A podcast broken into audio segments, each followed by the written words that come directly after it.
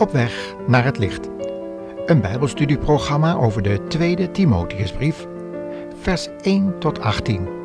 Met als thema Een gevangene van Jezus Christus. Of anders gezegd, hoe ga je met frustrerende ervaringen om? Verlatenheid, eenzaamheid. Hoe deed Paulus dat eigenlijk toen iedereen hem verlaten had en alleen Lucas en Timotheus bij hem waren? Hoe ga je om met teleurstelling als christen?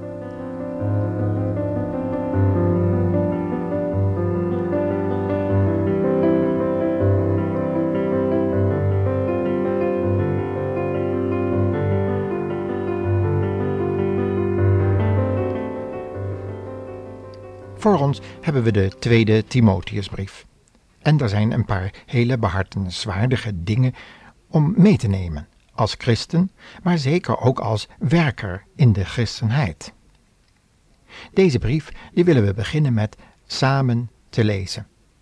Maar laat ik eerst een hele korte inleiding houden waar dit gedeelte, deze eerste gedeelte van de tweede Timotheusbrief eigenlijk over gaat. Paulus die dankt daar een hele bijzondere medewerker. In dit geval een hele jonge medewerker, een zekere Timotheus. Hij brengt zijn dank tot uiting met betrekking tot het ongeveinsde geloof en zijn hulpbetoning van deze jonge man. Dat heeft Paulus heel bijzonder getroffen, zeker nu hij in de gevangenis zat. Het is ook een ernstige waarschuwing voor mensenvrees, of anders gezegd, vrees ook voor de dood, voor de gevolgen van je getuigenis van Jezus Christus. Het is ook een uiting van je emoties, in dit geval van Paulus. En het is een les voor ons om niet al te beschroomd te zijn, om je emotionele ervaringen te delen met anderen, in dit geval per brief, en om ook uit te komen voor gevoelens van verlatenheid en teleurstelling. En we zijn heel erg benieuwd hoe Paulus daar eigenlijk mee omgaat, want dat heeft hij wel op een heel bijzondere manier ervaren.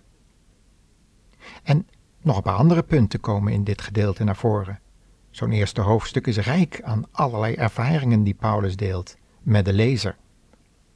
Hij zegt namelijk dat hij niet een gevangene is van mensen, hoewel dat natuurlijk zo is, en ook niet van de overheid, hoewel dat ook zo is. Hij is ook niet bezig met de oorzaak van zijn gevangenschap. Hij, zegt heel eenvoudig in dat gedeelte: Ik ben een gevangene van Jezus Christus. Ook dat bergt een rijke les voor ons. En is het de wil van God dat wij allerlei verdrukking en vervolging ondergaan? En is het bij ons de wil om, als het zo geleid wordt door de Heilige Geest, dat wij verdrukking en vervolging ervaren, om daar ook gewillig het hoofd onder te buigen? Want het vraagt wel om een keuze. Soms kan je een vervolging of een verdrukking, periode van verdrukking uit de weg gaan. Of, ja, door te zwijgen misschien. Om verdrukking zo uit de weg te gaan dat je je zelfs niet meer identificeren wil met degenen die in de gevangenis zijn gekomen om hun getuigenis. Dat heeft Paulus ervaren. En tenslotte is daar ook nog de kracht van de erkenning. Wat gebeurt er eigenlijk als je erkend wordt zoals in dit geval de jonge Timotheus, door iemand die ouder is dan jij. En als zijn sporen in het evangelie als het ware verdiend heeft, zoals Paulus kon zeggen als apostel, ik draag de merktekenen van een apostel in mijn lichaam. En we zien dat de kracht van de erkenning, in dit geval de handoplegging, heel belangrijk kan zijn voor jonge mensen, zodat ze bemoedigd worden om door te gaan op een ingeslagen weg, een keuze voor de Heer Jezus. En tenslotte is daar dat gezinshoofd Onesiphorus, die er de moeite voor over heeft om een Paulus in de gevangenis te bezoeken. En hij krijgt ook toestemming van zijn vrouw en kinderen, want het is niet zonder gevaar. Dan willen we samen daarover nadenken door eerst dat gedeelte van de tweede Timotheusbrief samen te lezen.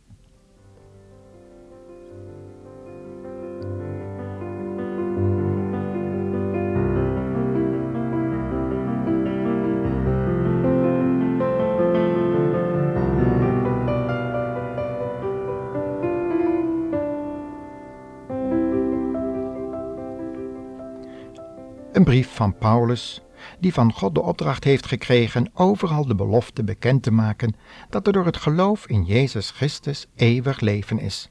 Aan Timotheus, van wie ik houd als van mijn eigen kind.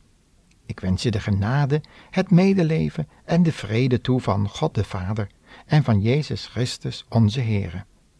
Net als mijn voorouders dien ik God met een zuiver geweten. Dank hem ervoor dat ik dag en nacht voor jou kan bidden. Wat zou ik het fijn vinden je weer eens te zien? Wat zou dat mij gelukkig maken?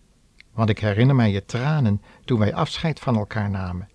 Ik weet hoe je op de Heere vertrouwde, net als je moeder Eunice en je grootmoeder Louise. Ik ben ervan overtuigd dat je geloof niet verzwakt is. Daarom dring ik erop aan dat je de gave van God, die je ontving toen ik je de handen oplegde, zult ontwikkelen. Want God geeft ons niet een lafhartige geest, maar een sterke geest vol liefde en bedachtzaamheid. Wees nooit bang om anderen over onze Heer te vertellen of er vooruit te komen dat je mijn vriend bent, hoewel ik ter wille van Christus in de gevangenis zit. Je moet bereid zijn met mij voor de Heer te lijden. Hij zal je de kracht ervoor geven. God heeft ons bevrijd en voor zijn heilig werk uitgekozen. Niet omdat wij dat verdienen, maar omdat Hij dat vanaf het allereerste begin al van plan was. In Jezus Christus wilde Hij ons immers zijn liefde en genade laten zien. En nu heeft Hij ons dit allemaal duidelijk gemaakt door de komst van onze Redder Jezus Christus, die de macht van de dood gebroken heeft en ons heeft laten zien hoe wij, door op Hem te vertrouwen, eeuwig leven kunnen krijgen. God heeft mij uitgekozen als zijn boodschapper en apostel, die de andere volken moet onderwijzen. Daarom zit ik hier in de gevangenis, en ik schaam mij er beslist niet voor, want ik weet op wie ik vertrouw. Ik ben er zeker van dat Hij alles wat Hij mij heeft toevertrouwd, veilig zal bewaren tot de dag waarop Hij terugkomt. Houd vast aan de waarheden die ik je geleerd heb, Timotheus, de waarheden over het geloof en de liefde die Christus Jezus geeft. Waak over die schat die de Heilige Geest die in ons woont ons heeft gegeven. Je weet dat alle christenen die vanuit Azië hier zijn gekomen, mij in de steek hebben gelaten. Zelfs Vigelus en Hermogenes. Ik vraag de Heere of hij Onisiphorus en zijn gezin wil zegenen, omdat hij mij vaak heeft bezocht om mij te bemoedigen. Zijn bezoeken waren voor mij een verfrissing. Hij schaamde zich er niet voor om met een gevangene bevriend te zijn. Integendeel, toen hij in Rome aankwam, heeft hij overal naar mij gezocht en mij tenslotte gevonden. Ik bid dat de Heer hem een bijzondere zegen geeft op de grote dag waarop Christus terugkeert. En jij, Timotheus, weet maar al te goed hoe hij mij in Efeze heeft geholpen. Tot zover dat eerste gedeelte van de tweede Timotheusbrief.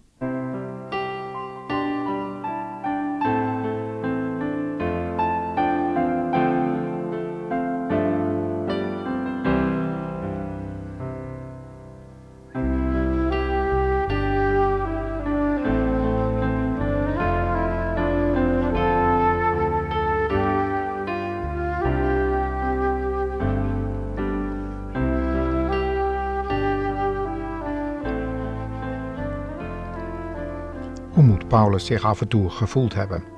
Toen hij daar in die gevangenis zat, verlaten door de meeste christenen uit Efeze, daar waar hij de hoogste waarheden had bekendgemaakt, daar waar ze hem in handelingen 19 om de hals waren gevallen, handelingen 20 wel geteld, en waar ze geweend hadden toen ze hoorden dat ze zijn aangezicht niet meer zouden zien. Je zou zeggen, nou die christenen, die hebben er wel wat voor over om je in de gevangenis op te zoeken. Maar nee, Paulus, zijn diepste gevoelens, die deelt hij hier met Timotheus. En hij zegt, weet je wel, dat ze me allemaal verlaten hebben. Na de hand zou hij dat nog een keer zeggen. Toen hij ter verantwoording werd geroepen en toen hij eh, getuigenis aflegde voor de verschillende overheden in die tijd. En toen heeft hij gezegd, ze hebben mij allen verlaten in mijn eerste verantwoording. Niemand was er in de rechtszaal aanwezig om voor hem te bidden en aan hem te denken en door de aanwezigheid van een medebroeder of zuster je te versterken om vol te houden. Het was al net als bij de Heer Jezus in de hof van Gethsemane, waar er een engel uit de hemel moest komen om de Heer Jezus te versterken, omdat de discipelen sliepen. En de Heer Jezus moest zeggen, kun je dan niet één uur met mij waken? En als een waardige volgeling van de Heer Jezus heeft Paulus zo ongeveer datzelfde meegemaakt. Dat is heel bijzonder. Hij, die eenmaal een welbehagen had in de dood van Stefanus, die ook al zo eenzaam daar aan het getuigen was en zelfs de dood erin vond, deze Paulus, die vroeger Saulus heette, die moest nu zelf ervaren wat het betekent om alleen te staan. En daarom is hij ook zo heel bijzonder getroost wanneer hij eraan herinnerd wordt dat Timotheus in ieder geval zijn lijden gevolgd heeft. Hem in alles heeft bijgestaan. En hoewel Timotheus nog maar een jonge man was en zeker ook last had van mensenvrees, en zo af en toe wellicht een lafhartige geest openbaarde, wist hij daar toch elke keer weer de overwinning over te behalen. Want Paulus zegt het ook in deze brief: denk erom dat je, dat je die gave van God die in je is, en door wie, welke ik de, dat erkend heb dat je, dat je gevoeld hebt hoe ik me één maakte met die gave die God jou gegeven hebt door, mij de, door, je, door je de handen op te leggen, samen met andere ouderlingen. Door te erkennen dat je een bijzondere gave van God hebt, denk erom dat je die ook gebruikt. Dat je je niet door een lafhartige geest laat leiden, maar door een sterke geest vol liefde en bedachtzaamheid. En uh, laat die mensenvrees nou voor wat het is. Want vrees voor mensen spant een strik, had Salomo al geschreven. Dat houdt ons vaak van het goede getuigenis afleggen van de Heer Jezus, houdt ons daarvan af. En op de momenten dat je daarvoor de gelegenheid krijgt, ga je zwijgen. Dat heeft Paulus ervaren wat de gevolgen daarvoor waren. Wat is het dan fijn om mensen te hebben die een waarachtig geloof hebben en dat ook in daden weten om te zetten. Paulus zit ter wille van de naam van Christus in de gevangenis. Hij zegt ook, je moet ervoor bereid zijn om voor de Here te lijden. Maar ondanks dat Paulus de kracht kreeg om te lijden voor de, voor de naam van de Heer Jezus, betekent dat nog niet dat hij geen emoties kende. Juist het feit dat de Efeziërs, die hij zoveel had verteld over de Heer Jezus en over de hemelse heerlijkheid, juist die Efeziërs hadden hem verlaten. En daar schrijft hij dan toch wel met pijn in zijn hart over aan Timotheus.